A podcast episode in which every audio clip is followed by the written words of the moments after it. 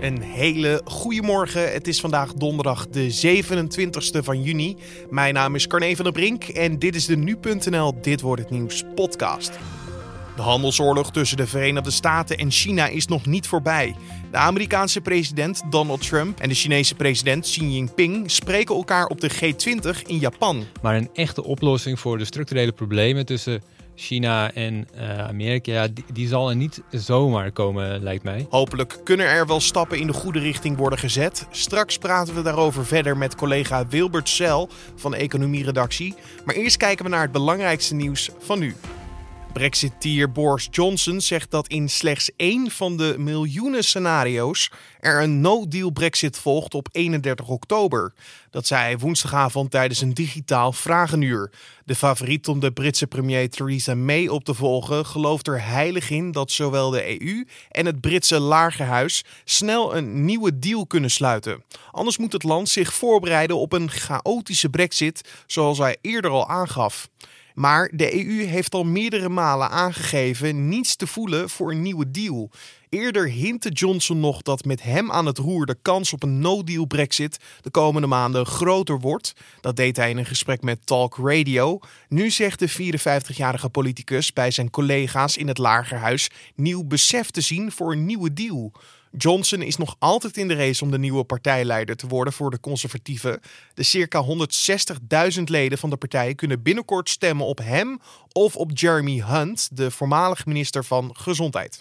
Een forse brand in Waterhuizen heeft vlak voor woensdagnacht partyclub Swingers Dream aan de Winschoterweg verwoest.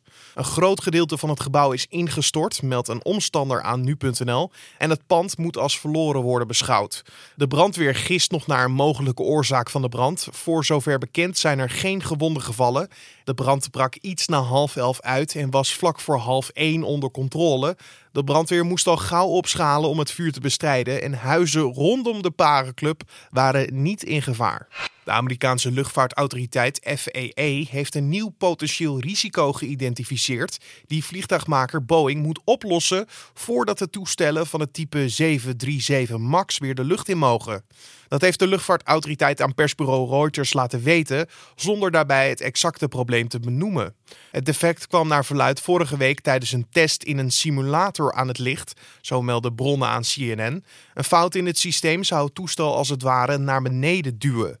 En Boeing liet in een verklaring weten dat het nauw samenwerkt met de Amerikaanse luchtvaartautoriteit om potentiële risico's aan het licht te brengen en uiteindelijk ook op te lossen.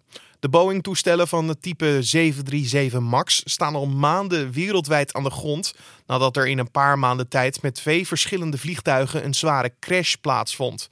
Bij ongelukken in Ethiopië en Indonesië kwamen in totaal bijna 350 mensen om het leven. Beide crashes waren veroorzaakt door technische problemen met het stuursysteem.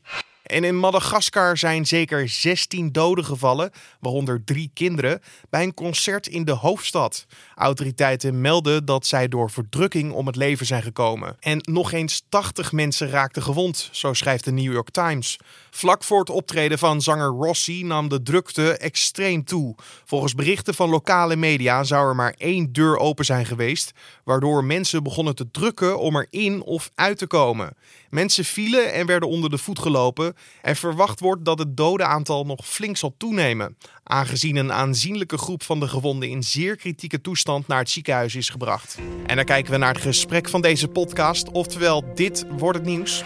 Bij de G20-top in Japan wordt goed gelet op het overleg tussen de Amerikaanse president Donald Trump en de Chinese president Xi Jinping.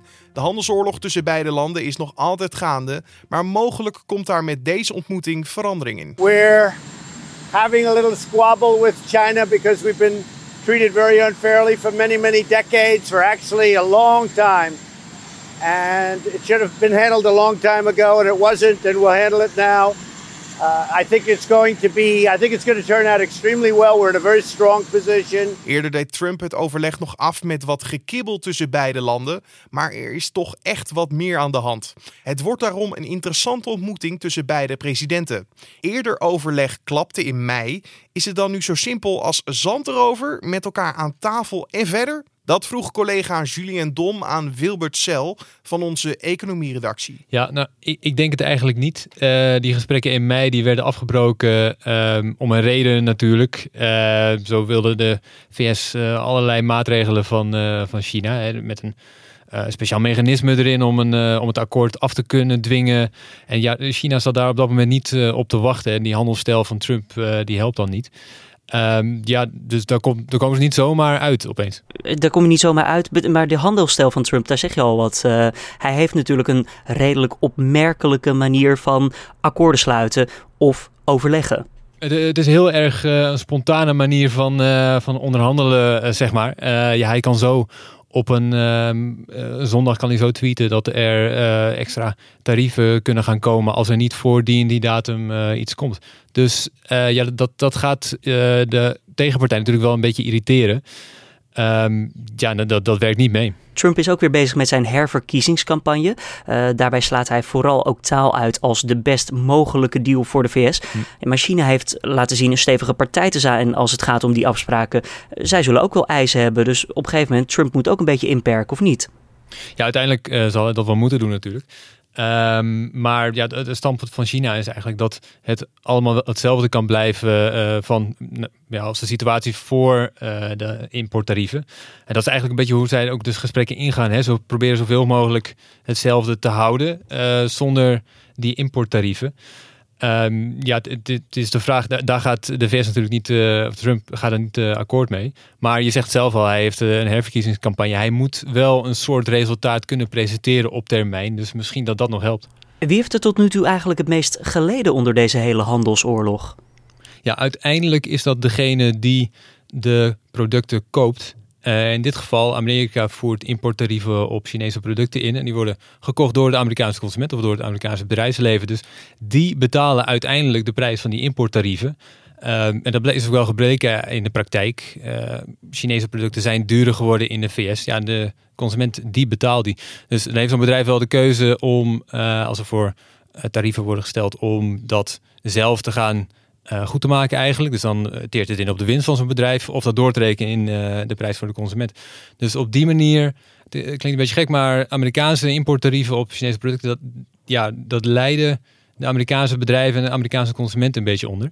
Dat wil niet zeggen dat China hier niet onder leidt. Amerikaanse bedrijven hebben natuurlijk okay. de keuze om een andere leverancier te zoeken. Uh, bij in een ander land waar geen importtarieven uh, worden betaald. Dus op die manier kan ook een Chinees bedrijf uh, hieronder lijden. Maar in principe betalen vooral die Amerikaanse consumenten dit. En wij in Europa of in Nederland, hebben we zelf iets ook gemerkt van deze handelsoorlog? Ja, tot vooralsnog niet heel erg. Maar um, ja, Nederland is een open economie. En um, hoe meer die handelsoorlog escaleert, hoe meer importtarieven er worden ingevoerd, hoe meer er vanuit China ook maatregelen worden ingevoerd. Ja, uiteindelijk erodeert dat wel een beetje een wereldeconomie, de wereldhandel. En je ziet ook dat ten opzichte van een jaar geleden zijn uh, de handelsvolumes in de eurozone en in de VS gedaald. Ironisch genoeg in China dus niet. Maar uh, ja, de, de, uiteindelijk zal het een open economie als Nederland wel een beetje raken. Aan de andere kant, dan is er ook uh, het verhaal dat Nederland iets kan profiteren van zo'n strijd tussen twee andere blokken profiteren, zeg je daar al, als twee vechten om een been. Hè? Ik denk dat dat hier wel een beetje toepasbaar is. Ja, dat, dat kan op den duur wel. Kijk, uh, wat ik net zei, Amerikaanse bedrijven kunnen een andere leverancier gaan zoeken. Uh, dat geldt eigenlijk ook voor Chinese bedrijven natuurlijk. Dan wordt het ook moeilijker voor om handel te drijven uh, met Amerikaanse bedrijven. Ja, die kunnen we dan besluiten om misschien een Europese leverancier te nemen. Maar dat kunnen de Amerikanen dus ook. Dus op die manier kunnen Europese bedrijven, dus ook Nederlandse bedrijven, kunnen daar een beetje van profiteren. Maar dat is op zich nog een heel theoretisch verhaal. Het moet allemaal nog een beetje in de praktijk blijken.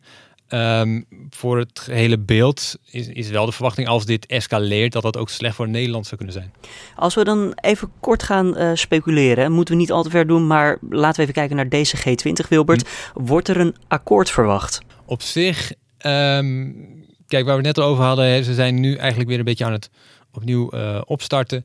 Um, dat Trump en, en bij elkaar komen. Uh, ja, er wordt wel iets verwacht. Mogelijk dat er een akkoord komt dat beide partijen weer naar huis kunnen en kunnen zeggen eh, dat er iets is bereikt. Maar een echte oplossing voor de structurele problemen tussen China en uh, Amerika, die, zal er niet zomaar komen, lijkt mij. Uh, er is gewoon een reden waarom de besprekingen in mei klapten. die gaan ze niet nu opeens oplossen. Is er een verwachting op welke termijn dat ja, daar wel iets uit zou kunnen komen? Praten we dan over maanden of jaren? Ja, dat is een hele goede vraag en dat is heel moeilijk te beantwoorden. op termijn Ehm, is er echt gewoon een structureel probleem uh, met hoe uh, de VS denkt dat, hoe Trump eigenlijk denkt dat een economie in elkaar moet steken, en hoe China denkt dat een economie moet zijn. de Chinese economie is gewoon heel erg gebouwd op staatsbedrijven, op, op staatsinterventie, op, op een beschermde positie voor bepaalde bedrijven. En dat botst gewoon heel erg met ja, dat de vrijhandelsdenken van vooral Trump eigenlijk. Eh, ja, dat, dat, dat is heel moeilijk op te lossen. Dat, uh, ja, dat gaat niet zomaar over een paar maanden opgelost worden. Je hoorde Wilbert Cel van onze economieredactie. En diverse belangrijke rechtszaken staan vandaag op de agenda. Te beginnen met de zaak tegen PVV-voorman Geert Wilders. Nadat het verzoek tot aanhouden van de strafzaak tegen Wilders is verworpen door het gerechtshof, gaat vandaag de inhoudelijke behandeling van het hoge beroep verder. De PVV-leider staat vanwege zijn minder Marokkanen uitspraak terecht voor groepsbelediging en het aanzetten tot discriminatie tegen Marokkanen. En de voormalig televisiepresentator Frank Masmeijer hoort vandaag wat zijn straf wordt voor zijn rol in een drugssmokkelzaak in België. In hoge beroep is acht jaar celstraf tegen Masmeijer geëist en een boete van 40.000 euro. In de smokkelzaak zijn 32 verdachten in hoger beroep gegaan.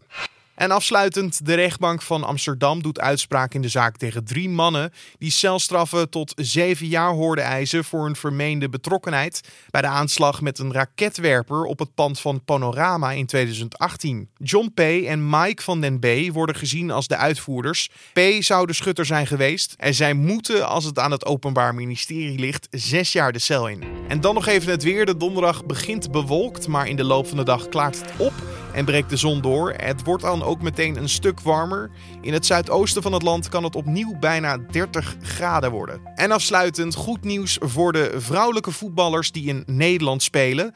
Want Ajax voert vanaf komend seizoen als eerste Nederlandse club een op maat gemaakte CAO in voor vrouwelijke spelers. De CAO biedt de speelsters in grote lijnen dezelfde soort voorwaarden als mannelijke spelers.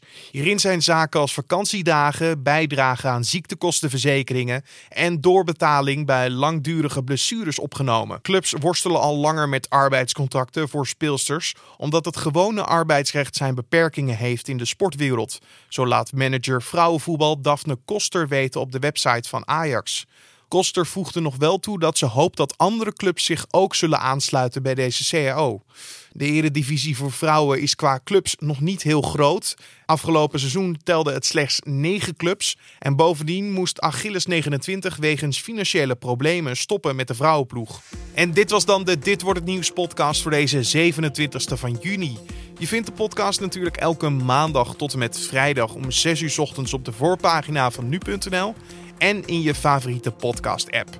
Je kan ons helpen met feedback op deze podcast door een mailtje te sturen naar podcast.nu.nl of een recensie achter te laten in iTunes. Mijn naam is Carne van der Brink. Voor nu wens ik je een hele fijne donderdag en tot morgen.